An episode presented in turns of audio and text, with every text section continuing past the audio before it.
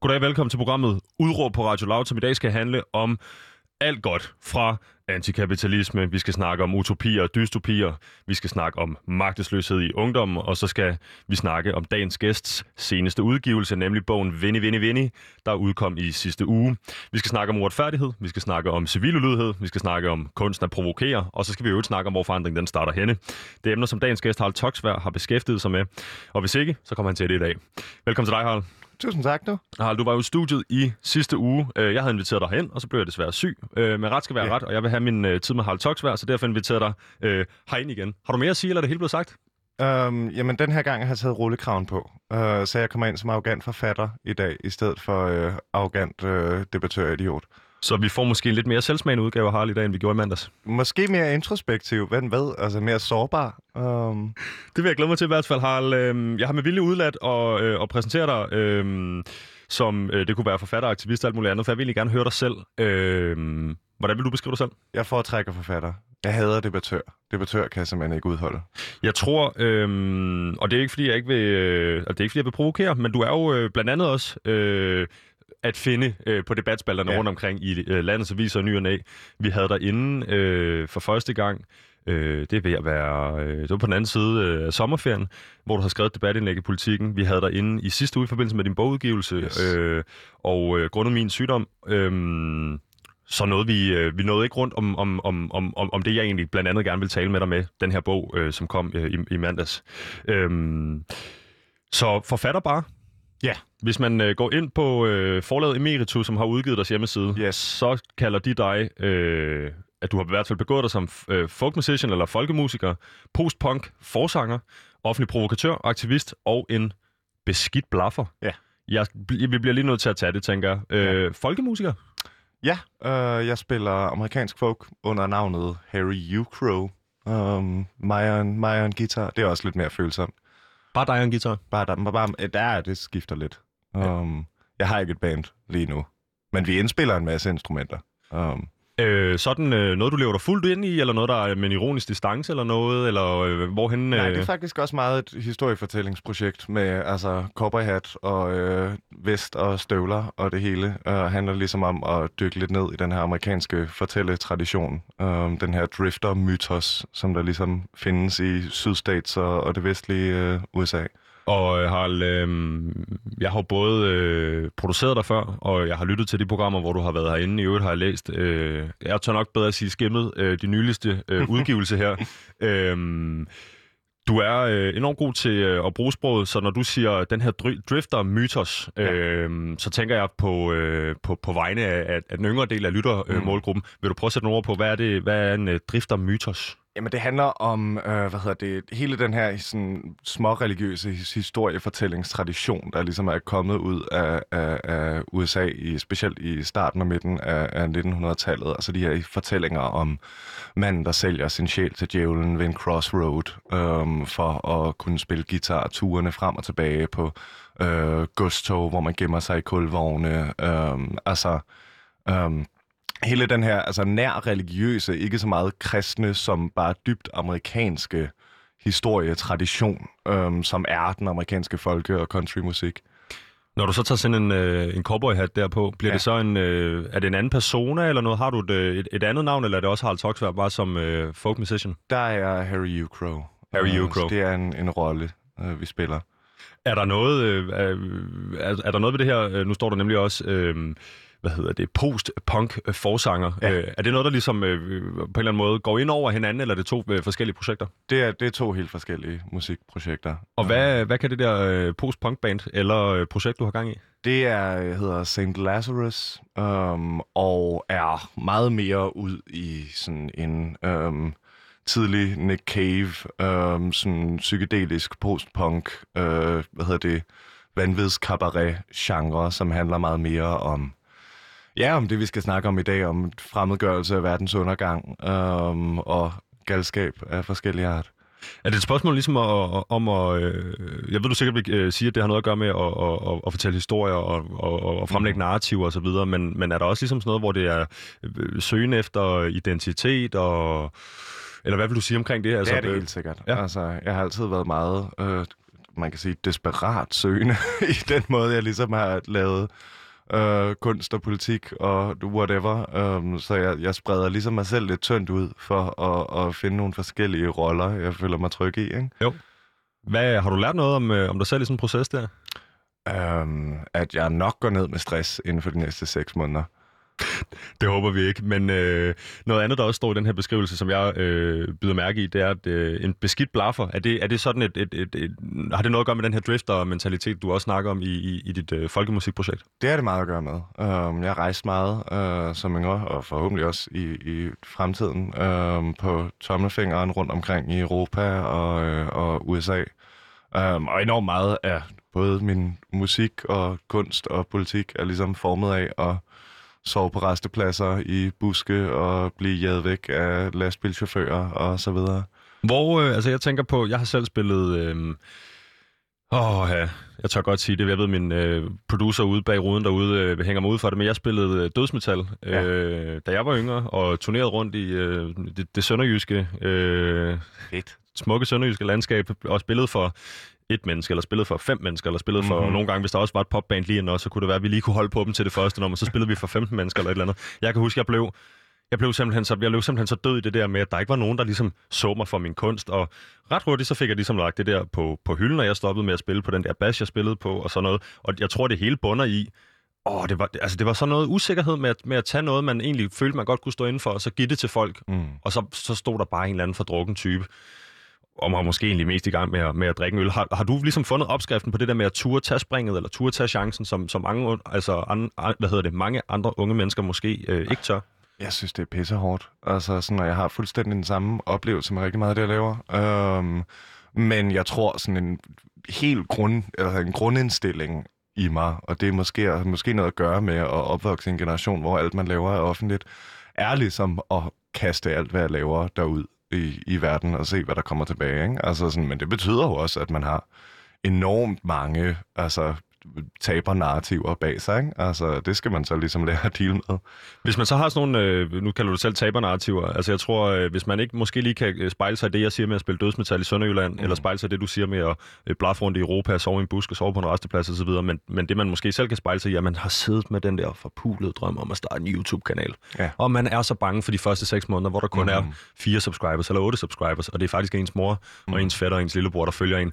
Uh, her, hvad siger de andre? Og nu tog jeg chancen, nu stak jeg, øh, eller lagde jeg røven ud i klaskehøjde, og Åh, der er altså ikke nogen, der følger med, eller der er ikke nogen, der synes, jeg er sej nu. Det hele den der ting mm. med, at vi, vi hele tiden bliver målt og vejet og bedømt af andre mennesker, og øh, hvis man lægger en, en, en video op på sin Instagram-story for eksempel, så kan jeg jo, lad os sige, du lægger noget op om dit projekt, så kan jeg jo tage det og sende det til et andet menneske og kommentere på det, uden at du nogensinde får noget at vide om det. Mm. Hvordan føles det her med, ligesom, at, at, at, at vurderingen af, en som kunstner, vurderingen af en som en, der prøver noget nyt og tør at provokere, øh, sådan er ude af ens, ude af ens egne hænder?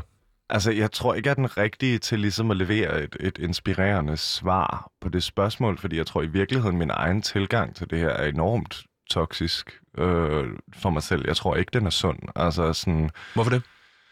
Jamen, fordi jeg jo også altså, sådan, gør det i en eller anden desperat søgen efter selv og efter øh, anerkendelse, ikke? Altså sådan, øhm, og jeg tror, altså hvis vi skal ligesom spore det tilbage til noget sted, udover at være barn af skuespiller, øhm, så var det fordi, jeg blev sindssygt forelsket i en pige engang øh, fra Østrig, og øh, hun fik en anden kæreste, og det synes jeg var så hårdt, hun var skuespiller og musiker. Og så har jeg ligesom levet mit liv siden da i sådan en desperat kamp, for at blive succesfuld nok til, at sådan, det var faktisk, altså, det var hende, der valgte forkert, ikke? Altså, Er du kommet derover hen? ja, det er jeg da, men, men det er stadig sådan en, altså, der er stadig en eller anden bunddrivkraft i det der, altså sådan forsøg på at bevise sig selv over for omverdenen, ikke? Um, hvilket jeg da ikke tror på lang sigt er sundt overhovedet. Går du sådan, går du specielt meget op i, hvad der er sundt og hvad der ikke er sundt i forhold til at få, få noget på banen? Og, altså, øh, jeg tror, det, det, det, kunstnerens største å kan jo være nogle gange mm. ikke at få udgivet noget, og ikke at få, ikke at, som du selv siger, det er noget med at, at, at give det til verden, og så få noget feedback på det, og, mm. Og i virkeligheden også først at kunne have en fornemmelse for, hvad det er, man har lavet, eller hvad det er, man har begivet sig ud i, når først det er ude, så at sige. Altså, ja. øh, vi kender alle, alle sammen typen, der ligesom har øh, man, en stak manuskripter liggende derhjemme, eller en, en fed sang, vi ikke må høre, før det ligesom alle de her forbehold, der er. Mm. Du tør øh, kaste dig ud i det. Øhm, jeg tænker, måske, øh, måske det her med at være øh, drevet af, eller finde inspiration i, i, i, mm. i kærlighed, eller i, i, i nederlag i kærlighedssammenhæng, øh, kan være en drivkraft, men er det den eneste drivkraft? Jamen altså, der er jo også kapitalismen, ikke? Øh, men altså helt alvorligt, vi blev også altså, opfostret med en idé om, at sådan, det eneste, der betegner succes, er om, hvorvidt vi kan gøre os selv, altså øh, kan monetisere os selv, ikke? Øh, og det tror jeg, der ligger i os, når vi specielt, når man laver kunst, som er noget, som er enormt svært at få penge for, ikke? Altså sådan enormt svært at få anerkendelse for. Øhm, og så i sidste ende, så bliver det, altså sådan, den variabel, som vi bedømmer os selv på, er, om vi kan leve af det, og så vælger nogle af os ligesom at rende panden imod en mur igen og igen og igen og igen, indtil der sker noget, fordi det er den eneste måde, vi kan finde ud af at se os selv, acceptere os selv for det, vi laver. Ikke? Jo. Jeg tænker ikke, det er helt farfetched at sige, at øh, på den her side af mikrofonen, hvor jeg står, og jeg skal nok komme til at fortælle øh, lytterne derude, hvem jeg er i øvrigt, øh, der står en kujon, som øh, altid har haft en øh, podcast-idé i maven, men det var sgu ikke før, der var et, et, et netværk, altså et, eller et network hedder det på engelsk, det hedder en, øh, en institution her i, i landet, altså Radio Loud, der gad at give mig chancen, før jeg turde melde mig på banen, mm. for så havde jeg noget rygdækning, og hvis ikke det går, så går det ikke, og frem og tilbage. Øh, du har jo bare ligesom kastet dig ud i det igen og igen og igen. Øh, det, og det man kan sige, den her bog udkommer nu, men som sagt, det er ikke det første projekt, det er ikke den første, det første skriv, du kommer ud med eller noget. Øh, du tør sætte øh, røven i klaskehøjde, og så det her med, at, som du selv kommer ind på, øh, hvad er succeskriteriet, hvad er parametrene for, om mm. noget er, er godt. Det er, hvorvidt vi kan leve af det, og om det kan, øh, øh, ja, om det kan give os en eller anden form for indtægt, og det skal vi også nok vende tilbage til, men Harald, som jeg lige lovede før her, så vil jeg sige, at øh, på den her side af pulten, der står jeg, mit navn er Vitus Robak, og jeg er vært den næste times tid. Udråb er Danmarks eneste ungdomsradioprogram, der giver en gæst en time til at folde sin holdning ud, og det gør vi selvfølgelig for at kunne komme rundt i alle kroner, blotlægge alle nuancerne. Men Harald, i dag øh, så har jeg pillet en lille smule på det normal, eller format hedder det, øh, vi normalt arbejder med. Jeg har nemlig tilladt mig at dele programmet op sådan i to faser, for så skal vi snakke, og det har vi også gjort lidt om her, øh, om dig og din bog. Vi kommer ned i bogen lige om lidt her. Øh, den forbindelse har jeg bedt dig om at tage tre statements med, hedder det, ud fra den her bog. Noget, der siger noget om dig, noget, der siger noget om bogen, noget, der siger noget om dine holdninger. I øvrigt skal vi høre en lille passage fra bogen.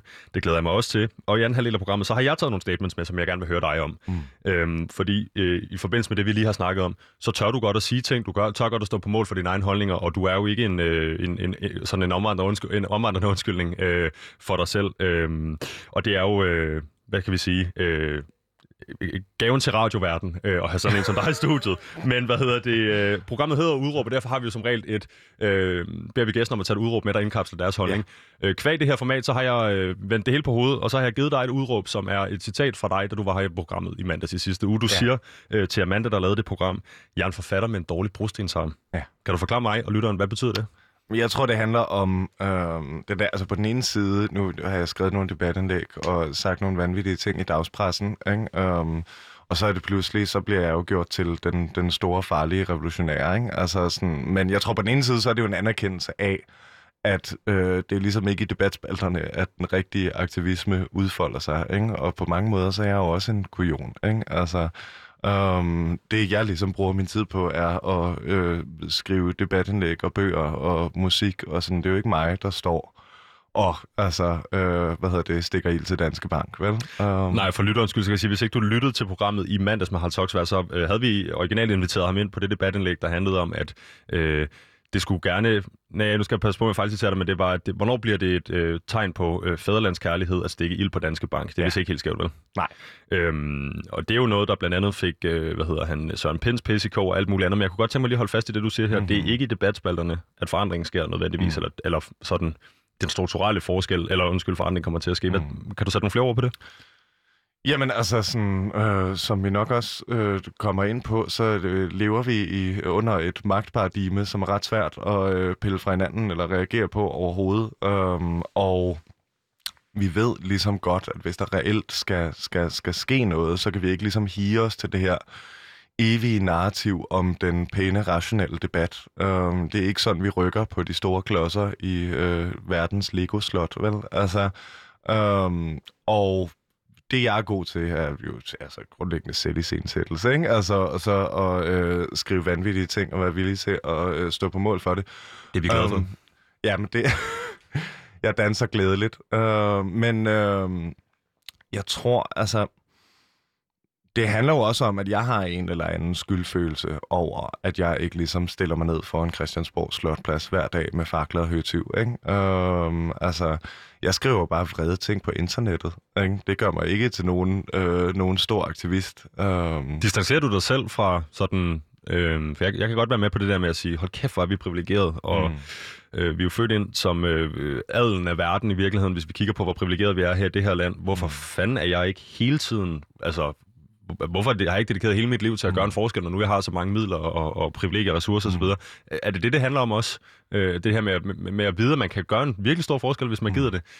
Man kan også ligesom, øh, hvis man er forfatter og øh, professionel selviscenesætter, mm. øh, øh, gå den anden vej og, og, og prøve at sparke lidt til, til debatten, uden nødvendigvis at tage noget ansvar. Øhm, jamen altså, selvfølgelig bliver man nødt til at tage ansvar, ikke? Øh, men man kan i hvert fald tage nogle risikoer. Ikke? Altså, sådan, og det er jo også, altså min bog øh, handler i enormt høj grad om ligesom at forsøge at møde det her privilegie og sådan finde ud af, hvad fanden vi gør. Også et af mine statements, jeg har taget med her. Øhm, jeg tror, altså sådan, sådan, det jeg jo kan med det privilegie, jeg har, og det er mange, er jo, at jeg kan sætte mig selv i nogle ret ekstreme situationer i samfundsdebatten, uden egentlig at være særlig bange for repressalier. Ikke? Um... Hvad er det mest øh, ekstreme, hvis vi øh, skal komme med et eksempel? Jamen, øh, der var jo under corona, øh, da jeg satte mig i spidsen for hele ungdommen øh, og påstod, at det var kapitalismens skyld, at de unge ikke gav en skid, øh, gav, en, øh, gav en fuck for, øh, for øh, smitten, øh, og at vi ville bare feste videre. Um, og det blev folk sgu rimelig sure over. Ikke? Um, det men må man sige. Jeg tror alligevel kun, vi endte på en dødstrussel. Altså, og det er billigt sluppet, tænker jeg. Og det var ikke engang en privat besked. Altså, det var bare et kommentarfelt, ikke? Um... Ja, men det er jo det, og hvad havde vi taget dig ind på det debattenlæg, så plejer vi også lege den live, hvor vi får lov at øh, læse nogle af de her øh, kommentarer op for gæsten mm. og noget. Vi gjorde det så sent som i tirsdags, hvor vi havde en, øh, en ung kvinde, ind, øh, Anna Esendorp Bak, som faktisk også har skrevet et lignende debatindlæg. Mm. Øhm, men øh, Harald, øh, nu nævner du selv bogen, lad os, øh, lad os bruge det som en takeaway og komme videre ja. i det, for jeg kunne nemlig rigtig godt tænke mig at øh, byde velkommen til første halvdel af det her program øh, og snakke om den her bogudgivelse. Øh, bogen hedder Vinnie, Vinnie, Vinnie, og øh, det første, jeg kommer til at tænke på, det er, om det ligesom er et take på det gamle romerske mundhæld. Øh, Vini Vidi Vici. Jeg kom, jeg så, jeg sejrede. Ja, det er rigtigt. Så hvad hedder din bog i virkeligheden, hvis vi oversætter det til dansk? Jeg kom, jeg kom, jeg kom. Jeg kom, jeg kom, jeg kom. Hvordan kommer man på den her titel? Um, altså, jeg kan faktisk ikke huske det. Jeg er sikker på, at det er en brændert uh, en gang. Uh, jeg tror, der, hvor det dukker op, er, at jeg engang uh, i en brændert uh, på en rejse et eller andet sted i, uh, i Frankrig har skrevet det med en stor spritus på siden af en meget gammel og smuk kirke um, og synes, det var skide sjovt. Uh, og på den måde, så blev det ligesom symbolet, altså fordi titlen har en, en, en dobbelt mening, ikke? altså både som en, en, en genfortolkning af det her Vini Vidi Vici, det defineres ligesom ud fra det, der ikke sker, ikke? Um, jeg ankommer, men jeg ser ikke, og jeg sejrer ikke, ikke? Altså på den måde, så handler den ligesom, handler øh, øh, titlen om om denne her, altså sådan om apatien, om, om fremmedgørelsen, som gør sig gældende, som gennemsyrer hele den her bog, og på den anden side er det også en dum dealer joke. Ja. Um, og det er ligesom det spændefelt, som historien ligger imellem. Ikke? Og du siger det jo også selv tidligere øh, på, en, øh, altså på et andet emne i virkeligheden, det her med, og, øh, altså jeg kom, jeg kom, jeg kom, jeg kom i øh, debatspalterne, jeg kom øh, ud og provokeret, jeg fik øh, lagt noget musik som øh, folkemusiker og postpunk-type øh, på nettet og alt muligt andet, øh, men fik jeg nogensinde Øh, altså fik jeg nogensinde set, fik jeg nogensinde sejret. Det ligger, mm. tænker jeg, i subteksten her. Hvad er det, den her bog, den handler om? Jamen, den er, nu bliver det jo mere sårbart end øh, de her, for når jeg har skrevet et dumt debatindlæg, så kan jeg bare sige, at jeg var på ketamin. Men det her, det tog fire år, ikke? Um, så, så det bliver lidt mere sårbart og, skulle, og svært at skulle forsøge at forklare, fordi på mange måder, så er det jo en, en, en underbevidst gennemgang af, af alt mit eget selvhed og min egen misantropi og angst, og specielt altså sådan mig selv som teenager, øh, og alle de, øh, hvad hedder det, øh, de øh, udfordringer, jeg ligesom havde med at møde mig selv og verden. Det er en, øh, på overfladen en rejseroman om en privilegeret ung mand, øh, der i sit sabbatår øhm, tager en tur på tommelfingeren rundt i Europa og ender ligesom i haleenden af den her tur i Paris i sådan et desperat forsøg på ligesom at genopleve et eller andet gammelt, øh, gammelt narrativ øh, om, hvad hedder det, om revolutionens Paris, om, om de store, de store fortællingers øh, Paris, men i virkeligheden sidder fast i det her mellemsted imellem ligesom hverken at kunne se sig selv i øjnene, eller at kunne, kunne møde og reflektere over verden, og derfor driver rundt i sådan nærmest som en, som en søvngænger imellem alle de her kriser, som ligesom også ligger i tiden, altså klimakrisen, flygtningekrisen, øh, terrorangreb, øh, politikampe, etc., men uden ligesom at spille nogen rolle i noget af det. Ikke? Altså også fordi, at han i kraft af at være en ung, hvid, privilegeret dansk heteromand, jo faktisk ikke har en rolle øhm, i de her kampe. Det er ikke hans kampe at kæmpe. Og så øhm, og på den måde, altså, det er, ikke en, det er ikke en bog med konklusioner også, fordi jeg begyndte at skrive den som, som 19-årig, og den er ligesom også blevet en, en udstilling af alt det, jeg var øh, som, som 19-årig, alt det, jeg øh, frygtede. Um, det er en bog, der ikke besvarer sine egne spørgsmål, øh, og som heller ikke stiller dem særlig klart, um, fordi det var sådan, det føltes langt hen ad vejen. Ikke? Du siger, den har været øh, fire år in the making. Ja. Har du været tilbage og må ligesom øh, redigere i de ting, du skrev som 19-årig, eller har du prøvet at lade det stå øh, for at være et udtryk for, for, for datidens Harald, så at sige? Altså overordnet er det, altså sådan, jeg har selvfølgelig øh, redigeret øh, efter en, en masse ting og stringens og sådan noget, men overordnet så står det, som, som det gjorde, ikke? Um, og det er jo også meget interessant, fordi igennem bogen, så bliver jeg jo også ældre, som jeg skriver den, ikke? Uh, og det er jo en ret stor forskel, når man går fra 19 til 23 alligevel, ikke? Um, og den startede jo også, den startede i virkeligheden autobiografisk. Øhm, startede jo bare med, at jeg sad på et eller andet lucid, lucid hostel i Belgien, øh, efter at have været ude at rejse, og tænkte, jeg skal bare skrive sådan en smart rejseroman om alle de dumme drukture, jeg har været på. Ikke? Og ret hurtigt så gik det op for mig, at det er ikke særlig rele- en særlig relevant fortælling fra, for nogen, vel? Altså, sådan, der er heller ikke noget... Vi har ikke rigtig et dybliggende behov for flere fortællinger om privilegerede unge hvide mænd, der tager ud og rejser og drikker en masse bajer og nogle skiderikker. Um, og det ledte mig ligesom til at stille en masse spørgsmålstegn ved, hvad er det egentlig, altså ud af mine oplevelser, som kan, som kan bruges til noget for mig og for, for omverdenen. Ikke? Um, og så blev den fiktiv, um, ligesom hen ad vejen, og derfor også blevet sådan endt i sådan et mærkeligt mellemsted imellem, altså autofiktionen og den rene fiktion. Ikke? Jo, og du får også sagt det her, øh, som jeg synes er meget interessant med, øh, og jeg kan lige så godt afsløre for lytteren, at hovedpersonen hedder H. Ja. Og jeg kan ikke komme på specielt mange fornavn, der starter med H, så der, jeg tænker det, som du også siger, den starter autobiografisk, mm. øh, og, og, og tager måske en anden, en anden form. Men du får sagt det her mm. med øh, hvid privilegeret øh, og heteroseksuel mand. Mm. Øh, vi har hørt historien om hans strukturer, mm. så det bliver til noget andet. Er der noget, altså er det den, er det den hvide cishat mands øh, manifest, det her? Det er det ikke. Nej, um, det er jo i virkeligheden manglen på et manifest et eller andet sted, ikke? Altså, um, det er jo på den ene side en, altså en enormt selvcentreret um, fortælling, også fordi den jo ikke når til, til nogen egentlige konklusioner. Det er en, en demaskering, ikke? Altså en afsløring af, øh, af både alle de sådan iboende øh, privilegier og problemer og, og arrogante tilgange, der ligger i at være øh, en teenager, som jeg var, Øh, og på den anden side ligesom et råb om hjælp til at sådan kunne finde ud af, hvor fanden skal, altså sådan, hvad er det så for nogle narrativer, han skal indskrive, øh, han skal indskrive sig i. Ikke? Um... Kan vi få sådan en lille... Øh, hvis man skulle lave en anmeldelse i folkeskolen, så skulle man jo give et... Øh, hvad hedder det, et, øh, et referat af bogen. Kan mm. du sådan øh, fortælle, altså du, siger, han er ude at rejse, og, og, og som jeg kan mm. forstå i starten af bogen, så prøver han faktisk lidt at undgå Paris, men ændrer ja. alligevel alle vejfører så til Paris i det her tilfælde. Mm, kan, kan vi få at vide sådan lidt, øh, hvad er, hvad er forløbet? Starter vi i Danmark, slutter vi i Paris? Hvad... Øh? Vi starter i øh, inden, altså 11 måneder efter, han er taget ud at rejse. Ikke? Øh, så i, eller sådan lige før han ligesom er i virkeligheden på vej hjem øh, i løbet af det her sabbatår. Um, hvor han er ind i Paris, um, fordi det var ligesom det sidste sted, han kunne finde på at, at tage til. Så vi starter med, at han kører ind i Paris, øh, og så bruger vi øh, ni dage øh, med ham hvert øjeblik. Der er ingen tid, der bliver sprunget over, også når han ligesom bare sidder i en park og glor ud i luften og ryger smøger for sig selv. Øh, så følger vi ham ligesom også, ikke? så det er meget intens på den måde. Men øh, så følger vi ham ligesom, som han, du ved, finder en gammel veninde øh, her i byen, som har fået en ny kæreste, og som ikke rigtig har tid til ham. Øh, og som han render lidt hvileløst rundt og ligesom bliver ved med, altså halvt tilfældigt, halvt underbevidst at løbe ind i de her kriser i tiden. Ikke? Altså øhm, øh, flygtningelejre i, hvad hedder det, i udkanten af byen, øh, politikampe, øh, som han ender i med en bunke punker og antifascister. øh, et terrorangreb. Ikke? Altså alle de her ting er både virkelige og uvirkelige. Ikke? Det er i virkeligheden altså sådan, det er, øh, uklart, hvad der egentlig sker, øhm, og hvad der mere er en beskrivelse af en, en, en oplevelse af verden. Ikke? Mm-hmm. Øh, indtil han til sidst øhm, på en eller anden måde får sig selv overbevist om, at grunden til, at han har det af helvedes til, det er jo fordi, han er fra Sjælland. Øhm, og på Sjælland, der er vi altid tæt på havet.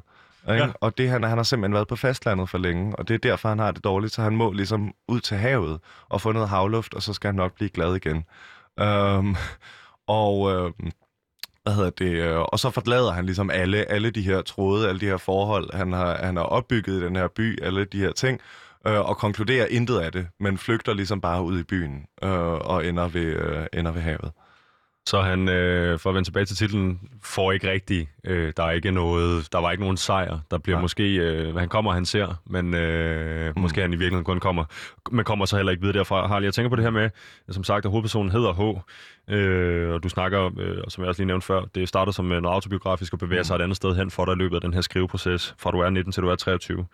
Øhm, jeg tænker et godt råd, jeg har fået flere gange i forbindelse med, hvis jeg nogensinde har skrevet digt eller en mm. lille kort historie eller noget der, Øh, Vitus, du skal ikke skrive øh, en historie om en øh, middelalderne lesbisk kvinde, ja. for du er ikke en middelalderne lesbisk kvinde, du er en mm. ung mand, og øh, du skulle prøve at drage på det, du har oplevet. Nu nævner du selv det her med en kvinde i Paris, som øh, mm. vil have en anden mand i stedet for. Du har fortalt os tidligere om det her med øh, dit eget forhold til en østrisk kvinde. Øh, rejser rundt beskidte hostels, mm. øh, lusede værtshuse, så videre, så videre. Øh, hvor meget af det her er, er, er direkte er ligesom taget draget på for dit eget liv? Altså, øh, meget af det. Altså, altså der er mange øh, delhistorier i den, som er sande oplevelser. Mange øjeblikke, øh, adskillige karakterer, der er taget fra, fra virkelige mennesker. Men man kan sige, altså det, der er vigtigt for at kunne forstå den her bog, problemet er, at hvis man læser den autobiografisk, så er det en enormt kedelig bog. Fordi autobiografiske bøger er generelt ret tomme for metaforer, og det er en bog, der hvis hele holdning og mening og ånd i virkeligheden ligger i alle de metaforsystemer, der ligesom bliver, bliver lagt ud. Um, så altså, sådan, sådan, der er masser af sande historier, og masser af sande billeder, øh, og sådan noget, men det er ligesom en, en template, jeg har taget, en, en, en karikatur, jeg har taget ud af nogle oplevelser, jeg selv har haft, og oven på det ligesom skrevet nogle, nogle metaforiske systemer op, som rent faktisk forklarer de her oplevelser, ikke? Mm. Altså, sådan, som, som møder dem på en anden måde. Jeg tænker på, om øh, jeg har bedt dig om at tage en, øh, en passage med, om jeg kunne lokke dig til at øh, ja. læse den højt for os. Det kan du sgu godt. Tak skal du Du får den øh, uden underlægningsmusik. Jeg tænker, det yes. kan få lov at stå øh, for sig selv. Så slukker jeg lige for min mm. egen mikrofon her. Vi zoomer ind på en gård, skåret ud af de omkringliggende mursten. Et hul igennem betongen og fliserne, der afdækker den jomfrolige, urørte markjord, skjult i tusind år under byens uendelige udvidelse. Små totter skident græs stikker op her og der, kæmper sig opad i et latterligt forsøg på at nå til frisk luft, hvert strå skrånende og sortplettet af smok. Mælkekasser er aflejret her og der i sparsomme åre, nogle arrangeret som stole, nogle opbevarende udefinerbare fedtede genstande, måske værktøj af en art. Ølflasker, halvt opslugt af den sorte muld, ligger overalt, som stiklinger af glas, der aldrig vil visne, men heller aldrig skyde blomst. I midten af gården en gammel kuglegrill, et op af rust, fyldt til randen med flækkede brædder fra bunken af gamle europaller, der står i et hjørne og rådner. Flammerne æder umådeligt langsomt. De skyder også mod himlen i en ondsindet parodi på den uskyldige plantevækst, som den lever af. Omkring bålet, på mælkekasser og i vakkelvogne havestole sidder menneskeskikkelser usynliggjort af den blændende ild, silhuetter uden ansigt. De snakker sammen, griner højlydt og skingert, dunker hinanden i ryggen, fortæller hemmeligheder, som ingen før har hørt. De er inspireret af kærlighed, empatien, der opløses i slimhænder og slanger sig dovent gennem blodårene. Det hvide pulver har sin egen mælkekasse, arrangeret som det er i et lille bjerg på en gammel, funklende bliktallerken. De er fem, af forskellig størrelse og overbevisning, men der er ikke plads til forskelligheder. De føler sig som et læme, ensomt og hengemt i gården, i byen. De frygter ikke længere hinanden, som de måske gjorde engang. Alle trusler er opvejet og målt efter, reduceret til statistik og ligegyldige advarsler. En af dem elsker at fortælle historier. De løber side om side med pulveret i hans krop. Han udgiver dem, udgyder dem så naturligt som lort eller opkast. Han har samlet de andres opmærksomhed sammen, påkaldt dem, og de sidder alle med hærene i hænderne, albuer på knæene og lytter, som han fortæller. Om gamle guder og døde oldtidsvæsener, om kæmper og trolde og den slags magi, vi ikke længere husker. Historien følges af fakter og stemmer. Små fløjtelyde fra fortælleren, der indikerer, hvornår de andre virkelig skal følge med. Og lyset fra bålet kaster hans bevægelser tusindfold op på muren, forvrænget og groteske. Da han er færdig, hører man et suk fra de omkringsiddende. Måske er lettelse, måske er forløsning. Og fortælleren, der elsker sit værv, tømmer sin øl i svælget og beder om en streg mere. Natten danser ud af rækkevidde og opløses til ingenting. Hold da op, du er en dygtig oplæser. Tak du. Øh, jeg stod lige og faldt helt i trance. Jeg var lige ved at glemme for at tænde for min, øh, for min egen mikrofon. Øh, velskrevet, Harald. Jeg, jeg, jeg tænker på, øh, både når du læser det her op, men også når vi snakker. Øh, hvis jeg ligesom, øh, hvis jeg tænker Harald Toksvær mm. fra før 36 minutter siden, hvor mm. det her program gik i gang, der vil jeg tænke øh, meget i det her, som også, øh, som også står på den her, øh, på øh, forlaget Emeritus' hjemmeside, mm. øh, provokatør, øh, en ung mand med nogle store holdninger osv. Øh, de her, både det uddrag, du læser op for os nu, øh, men også det, øh, vi hører dig øh, fortælle om, altså hvad den her øh, bog i virkeligheden handler om, mm. er jo meget mere, øh, jeg tør godt sige, et sted mellem navlepillen og selvcentreret, hvor, hvor de andre ting, vi kender dig for, er de helt store ja. øh, øh, spørgsmål, øh, og, og vi skal også vende tilbage til det senere. Det er jo et holdningsprogram, så du skal nok få lov at få sådan en også. Mm-hmm. Øh, men det her med... Øh, altså, tænker du, tænker du, man skal, som læser den her bog, skal man, skal man, skal man virkelig læse mellem linjerne for, for at finde en Harald Toksvær øh, klassisk samfundskritik, eller, eller fylder det ikke så meget for dig i det her space? Altså, øh, det er ikke en politisk bog, som sådan. Altså, jeg tror ikke, det er en bog, det, det, er ikke, altså, det er ikke svært at regne ud, at forfatteren er øh, rimelig langt over mod venstre. Øh, men det er ikke en bog, der handler om, om politik. Altså, sådan, den er meget mere mere psykologisk øh, funderet end det. Ikke? Øh, handler mere om, om, om generation. Øh, fordi også fordi den jo ikke besvarer nogle af de her spørgsmål, øh, som den stiller. Altså sådan, den leverer ligesom ikke noget svar på, hvad skal vi gøre i den her tid, hvor vi er mere komfortable end nogensinde før på den ene side, og på den anden side mere øh, unikt opmærksomme på alle de eksistentielle trusler, vi står over for konstant. Ikke? Um, så altså, man kan sige, hvis, hvis, hvis jeg som øh, hvad hedder det, debattør, der står og laver store fakta om verden, øh, ligesom, altså det er det politiske, ikke? så er den her bog er jo meget mere altså udtrykket for, hvor alle de følelser kommer fra. Ikke? Altså sådan, hvorfor er vi rasende og afmægtige? Ikke? Um, hvad er det for et, et mærkeligt, liminalt sted, vi befinder os i den her tid? Vi var lidt inde på det tidligere, men du øh, nævner selv det her, øh, det her med, med, med den hvide heteroseksuelle mand med mm. privilegiernes ting. Hvor, hvor meget, hvor meget handler det her om, øh, at, at, at du og jeg som hvide øh, heteroseksuelle øh, mænd med privilegier langt op i røven, mm. ikke har en kamp? Vi er sat ud på sidespor. Lige nu er det foråret, var det Black Lives Matter. Nu kører hele mm. det her MeToo. Og jeg får ved, at jeg ikke skal kalde det anden bølgen, for det er ikke noget, der skal bruges over. Det er noget, der er kommet for at blive. Ja. Øhm, altså bedre opførsel på arbejdspladser osv. Mm. Men, men, men du og jeg som hvide heteroseksuelle øh, røv, hammerne privilegerede mænd, hvad er vores kamp? Jamen, det er jo nemlig det. Ikke? Altså, sådan, øhm, det er også et af de her statements, øh, jeg har taget med faktisk, øh, hedder ligesom, at fortidens, altså det 19. Og, eller 20. og 19. århundredes store narrativer er døde. Ikke? Altså fortællingen om den store, vigtige hvide mand, der sidder på det parisiske værtshus og redder hele verden øh, over et glas champagne, er død. Ikke? Øhm, den er slut, og det er godt. Altså det er en god ting, at vi er sluppet af med de her narrativer, fordi de var altid fulde af lort. Øhm, men det var at sige, altså det sætter os jo også i et mærkeligt mellemsted, hvor vi ikke rigtig ved, hvor vi skal finde os selv. Men jeg tror også, altså grundlæggende, så er den vigtigste grund til, at vi føler os altså lidt alene i forhold til de her kampe, det er jo fordi, vi ikke kommer ud over os selv. Ikke? Det er jo fordi, vi ikke er i stand til at sige, hey, der er faktisk ting, der er vigtigere end mig og min selvforståelse lige nu. Uh, der er ting, der er vigtigere end de her narrativer, jeg skriver om mig selv. Um, Men er der ikke stadigvæk plads til sådan en bog her? Jo, øh, det håber jeg da. Altså, sådan, også fordi den jo er lige præcis er et forsøg på at, at udtrykke øh, de her følelser. Ikke? Altså udtrykke øh, den her... Det er jo ikke altså sådan... H i den her bog er jo ikke en sympatisk hovedperson. Altså sådan, han er en skiderik um, som er så altså, desperat optaget af nogle sådan store, vidtløftige narrativer, han har indskrevet sig selv i, at han er fuldstændig ude af stand til at møde verden omkring sig, um, og være sammen med folkene omkring sig, og se dem for dem, de er, og at stille sig kritisk over for sig selv. Ikke? Han har så travlt med at have ondt af sig selv, at han ikke på noget som helst tidspunkt stiller spørgsmålet, hvordan kan jeg blive bedre? Ikke? Og hvor meget af det her øh, falder så tilbage øh, fra H, tilbage på Harald Toksvær? Er Harald Toksvær en skiderik? Harald Toksvær har i hvert fald været en, en, en kæmpe skiderik. Ikke? Altså, jeg skal da ikke være... Øhm, det vil ikke være løgn at sige, at det er nok det mest altså, definerende følelser for, øh, hvad hedder det, for mit øh, sådan indre følelsesliv har været skam.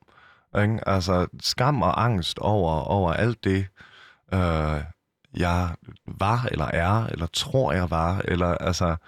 Um, det er noget, jeg stadig dealer med i, i enormt høj grad. Ikke? Um, frygten for at være et svin. Ikke? Jeg vil lade den stå der, Harald, fordi øh, det næste, vi skal øh, bevæge os ind i, det er jo, jeg som sagt øh, har bedt dig om at tage tre statements med. Noget, der siger noget om dig i bogen, hvor du er i dit øh, liv for tiden osv. Øh, jeg har med vilje ikke set de her statements, så de, øh, det er ligesom en overraskelse, eller hvad vi skal sige. Men jeg vil også lige sige, hvis man sidder derude og har tændt for sin øh, der Plus radio og tænker, hvad hvad fanden er det egentlig, jeg lytter til, så er det udråb på Radio Loud med mig, Vitus Robak. Jeg er så heldig, at Harald Toksvær øh, for anden gang på to uger er kommet ind og gæstet os. Jeg fik ikke lov at lave mit program med Harald i sidste uge, nu får jeg lov til det i dag. øh, Harald har både læst øh, højt for os af hans øh, nye bog, den udkom øh, mandag den 5. oktober i sidste, øh, sidste uge. Øh, den hedder Vinny, Vinny, Vinny, og øh, hvis ikke øh, du hørte gennemgang af det før, så er det et spil på det gamle romerske mundhæld. Vinny, Vitti, Vici, jeg kom, jeg så, jeg sejrede. Harald, han kom, han kom, han kom. Og det er ikke kun en pæk joke, Harald. Det er ikke kun en del Ikke kun en del af joke. Det skal der stå på min gravsten. Harald Toksvær, det var ikke bare en del af joke. Øhm, du har taget tre statements med til mig, Harald. Ja. Kan vi starte øh, ved starten og give mig det første? Jamen, jeg tror faktisk, det er jo det, vi lige har været inde på. Mm-hmm. Øh, det lyder, fortidens store narrativer er døde, og det er mestendels godt. Men vi er efterladt i et vakuum med identitetstab og fremmedgørelse til følge. Så hvad skal vi erstatte dem med? Hvem gælder det her for? Gælder det her for øh, min producer, Pauline? Um, jamen, jeg tror, altså sådan, på den ene side, så gælder det for os alle sammen, for det handler jo både om de store ideologier stød, ikke? Altså sådan, om, om troen på, øh, på verdensrevolutionen, for eksempel, ikke? Altså troen på den her radikale ændring af verden, som jo altså er uddød i en eller anden grad. Ikke? Øh, sådan magtparadigmerne er blevet for store for uigennemskuelige. Ikke? På den anden side, så handler det også rigtig meget om folk som dig og mig. Um, Hvem er vi to? Vi er hvide, privilegerede mænd fra det rigeste land, land i verden, øhm, og de sådan, store fortællinger, der bliver fortalt lige nu, handler ikke længere om os. Um, og det skal vi to finde ud af at dele med, og det er ikke nogen andres ansvar at fortælle os, hvordan vi dealer med dem, vel?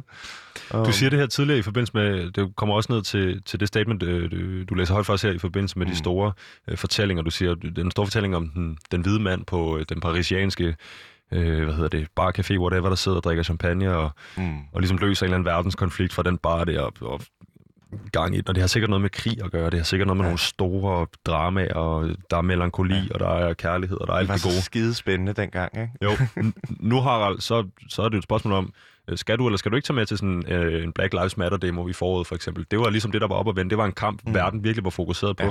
Øh, jeg er virkelig god i munden på dig, men jeg tør det godt sige, jeg var også øh, enormt forhåbningsfuld, at den her øh, debat ligesom begynder at blive mm. øh, taget i den grad, den gjorde. Mm. Øh, og stadigvæk gør selvfølgelig, skal jeg også sige.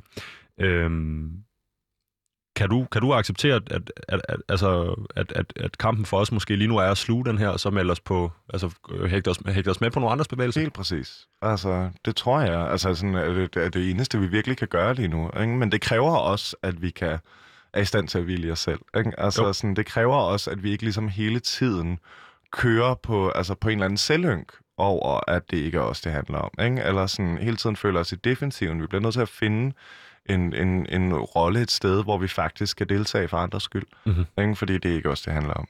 Må jeg få det næste statement? Det må det i hvert fald. Jeg skal lige finde det frem på sin telefon her.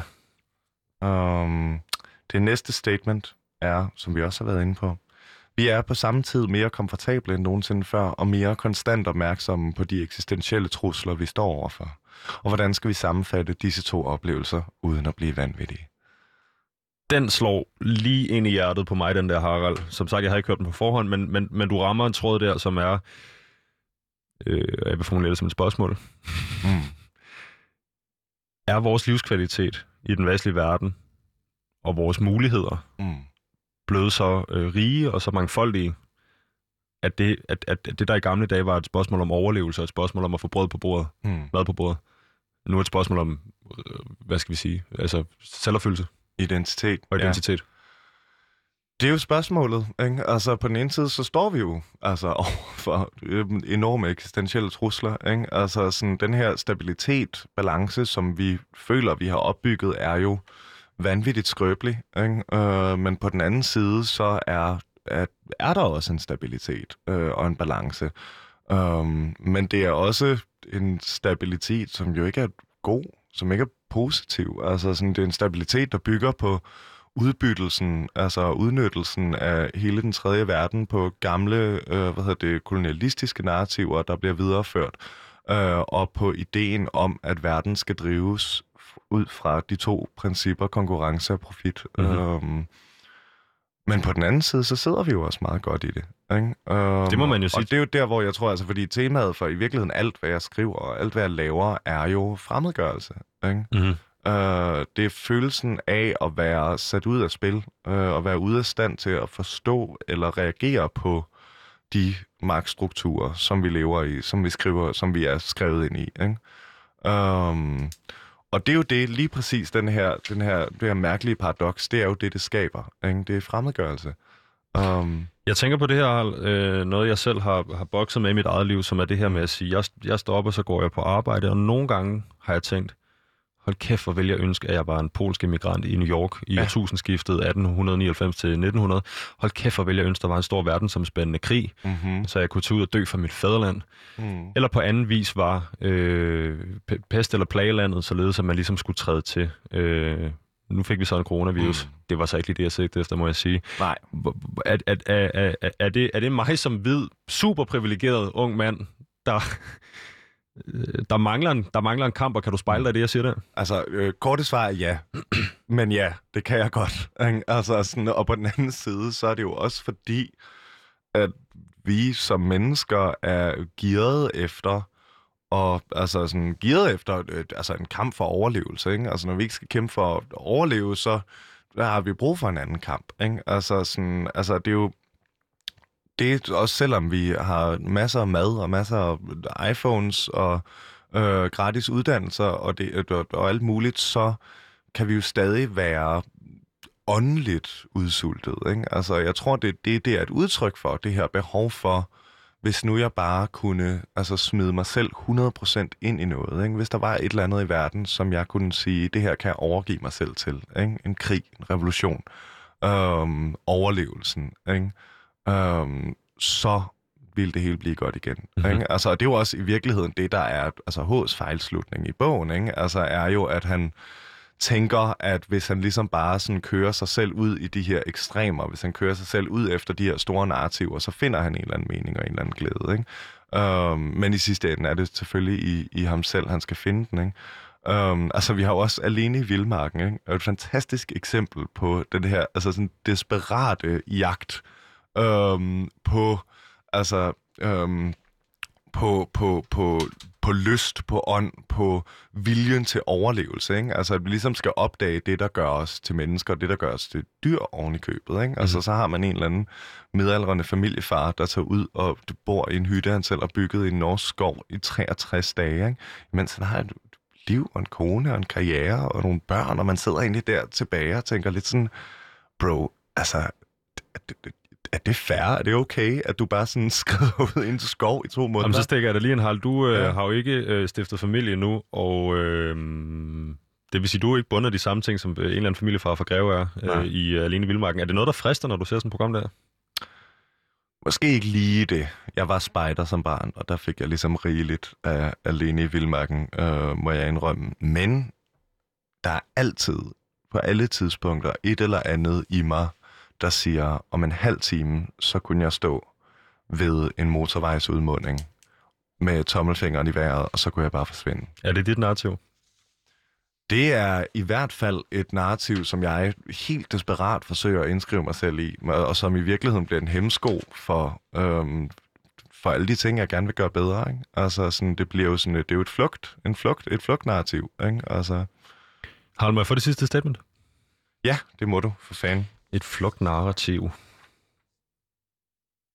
Og det er jo så også en fin lille afrunding på den. Ikke? I sidste ende kan vi kun gøre verden til et bedre sted ved at møde den, os selv, som vi er, og uden prætensioner. Men hvad fanden gør vi så? Ja, hvad fanden gør vi så? At, hvem er det her, hvem tænker du det her er møntet på? Er det noget, du, er det noget, der kommer indenfra, eller er det noget, der er Det er en opsang? Absolut møntet på mig selv, men også altså, på os alle sammen. Ikke? Øhm, altså den måde, vi ligesom bygger afstanden op øh, imellem os. Ikke? Altså jeg tror ikke, øh, mit narrativ, min opfattelse af verden er en eller anden, altså det er jo ikke en eller anden hardcore marxistisk teori, som jeg har siddet i et ungdomsparti og udarbejdet. Um, det er jo altså sådan, det er noget, som jeg tror utroligt mange mennesker i verden oplever og føler den her fremmedgørelse øh, og sådan noget. Men vi er fanget i det her spændefelt imellem at være fremmede fra verden, øh, fra vores magtstrukturer, øh, fra vores, vores nationer, vores øh, hvad hedder det, medmennesker, og være fremmedgjort fra os selv. Ikke? Fordi vi ligesom forsøger at indskrive os selv i alle mulige narrativer, som vi bliver solgt, om det er en Coca-Cola-reklame, eller en Netflix-serie, eller Herman Melville. Ikke? Um, så bliver vi ved med ligesom at skrive de her historier for os selv, som vi ikke kan leve op til, i stedet for at stille det meget simple spørgsmål. Uh, er jeg en fed fyr? Ikke? Nu siger du øh, Coca-Cola, øh, Netflix og Herman Melville. Hvor, øh, hvor, ligger, øh, hvor ligger du der? Jeg er nok mere i Melville end... Ikke? Um, men jeg er jo også altså, en prætentiøs københavner humanist. Ikke? Hvis vi kigger på et øh, samfund, øh, du og jeg er vokset op i, du siger så, at du er 23 år, du er fra 1997, hvis ikke jeg tager fejl. Jeg er fra 1995. Jeg øh, husker, hvad hedder den, øh, smartphone, da den kom til Danmark. Jeg måtte ikke få en, men det måtte min mor. jeg husker øh, at tilmelde mig Facebook i 2008, den 18. oktober. Jeg har lige været en kig. Jeg husker, Twitter kommer, YouTube kommer, det er jo et par producer på Audines fødselsdag den 18. oktober. Nå. Jeg husker de her ting, så husker jeg, øh, hvordan nettet begynder at, at, at tage form som et sted, hvor man kan udveksle meninger mere end det et sted, hvor man kan spille flash games. Mm. Og øh, lige pludselig så bliver det her, øh, den her verden, som jeg egentlig ikke har været vidne til, øh, selvfølgelig før jeg blev født, øh, mm. som har været meget homogen og ensrettet, den bliver virkelig nichepræget, og der er plads til, at, at hvis du ikke bare er øh, punker, men cyber emo-punker, så Ja. er der helt sikkert også et forum på nettet til dig, fordi nu kan du finde andre mennesker på i hele verden, du kan dele det her fælles narrativ mm. med. Det omvendt er jo så også, at som du siger, så er der Coca-Cola, der er Netflix-reklamer, og der er gamle store, eller store øh, forfattere. Øhm, det er jo også på mange måder øh, en buffet. Ja. Hvem, hvilke af alle de her spændende koncepter, tænker, mennesker, tv-serier, musik og alt muligt andet, hvad er det, jeg bygger min person, øh, person op af? Mm. Tror du, det er en... Er, er det nødvendigvis specielt sådan sundt for ungdommen, at, at, at, at, at det bliver et ræs om at, om, at, om at sige, jeg er X, Y og Z, men altså for eksempel, nu nævnte jeg tidligere heavy metal-genren. Mm. Der er ikke noget, der bare hedder heavy metal, det hedder jo tech deathcore, altså så hedder det Yes. Norwegian black øh, metal, og så hedder det alt muligt andet. Øh, Og det er ikke, fordi jeg skal kede lytteren med det, men jeg tænker bare, det, det, det bliver simpelthen så nichepræget. Det samme gælder for Mm. EDM-genren i øvrigt. Øhm, er, er det en hemsko for os, at, at, der, at der simpelthen er for mange valg, og det, og det hele skal være... Øh, det, man skal være sin egen unikke udgave af, af, af, en, af en postmoderne verden? Jeg tror i hvert fald, at vi er overstimuleret. Ikke? Um, og der er noget ved den her, altså jeg tror ikke, det er jo ikke et problem, at man kan finde fora for de ting, som interesserer en, og som man holder af. Um, men øh, verden er blevet uoverskuelig på en måde, som den aldrig har været før. Ikke? Um, verden er blevet en hel del mere end bare mig og min mark og min roer og min kone. Ikke? Um, og jeg har simpelthen ikke svaret på, hvordan, altså sådan, hvordan vi løser den menneskelige eksistens i den verden. Bare du havde. Altså, bare jeg havde. Øh, men altså sådan i en tid, hvor vi har adgang til altså sådan, så meget viden, at hver det eneste menneske på planeten, hvis de læste herfra deres, til deres grav, ikke kunne, kunne, kunne lære halvdelen af det. Øh, og i en tid, hvor, altså sådan, hvor de her magtstrukturer ikke bare er den, den lokale fyrste og hans tre riddere, øh, men et globalt netværk øh, af, øh, af magt og krig og elendighed og udnyttelse. Ikke? Øh, vi bliver ligesom nødt til at finde ud af, hvordan vi finder os selv i alt det her. Ikke? Jeg tror ikke svaret er, øh, hvad hedder det, grindcore fora. Um... Det er ellers spændende, det, det må jeg sige. Harald, øh, jeg havde sådan set planlagt et program, hvor, at, øh, som jeg også sagde til at starte med, man kan godt logge en, øh, en frisk holdning ud af, af Harald Toksvær. Ja. Øh, jeg havde tænkt mig at gå igennem nogle forskellige statements, jeg havde taget med, og så skulle du reagere på dem. Ja. Nu synes jeg, vi kom ind i et rigtig fint øh, lille space, efter ja. du har læst op for din skal bog. Skal jeg skynde mig at sige noget dumt? Du skal lige skynde dig at sige et eller andet med noget med at slå nogen ihjel, eller lave noget ildsprocent. Nej, hvad hedder det? Øh, jeg vil trods alt stadigvæk have lov. Jeg havde også tænkt mig at spille øh, kapitalismen med... Nej, fuck it. Den skal, når vi har, der er lige 20 sekunder her, det er en live-optagelse. Yes. Jeg vil have lov at spille det nummer med Per Dick, Kapitalismen, når jeg kan. Øhm, det, jeg havde tænkt mig, var...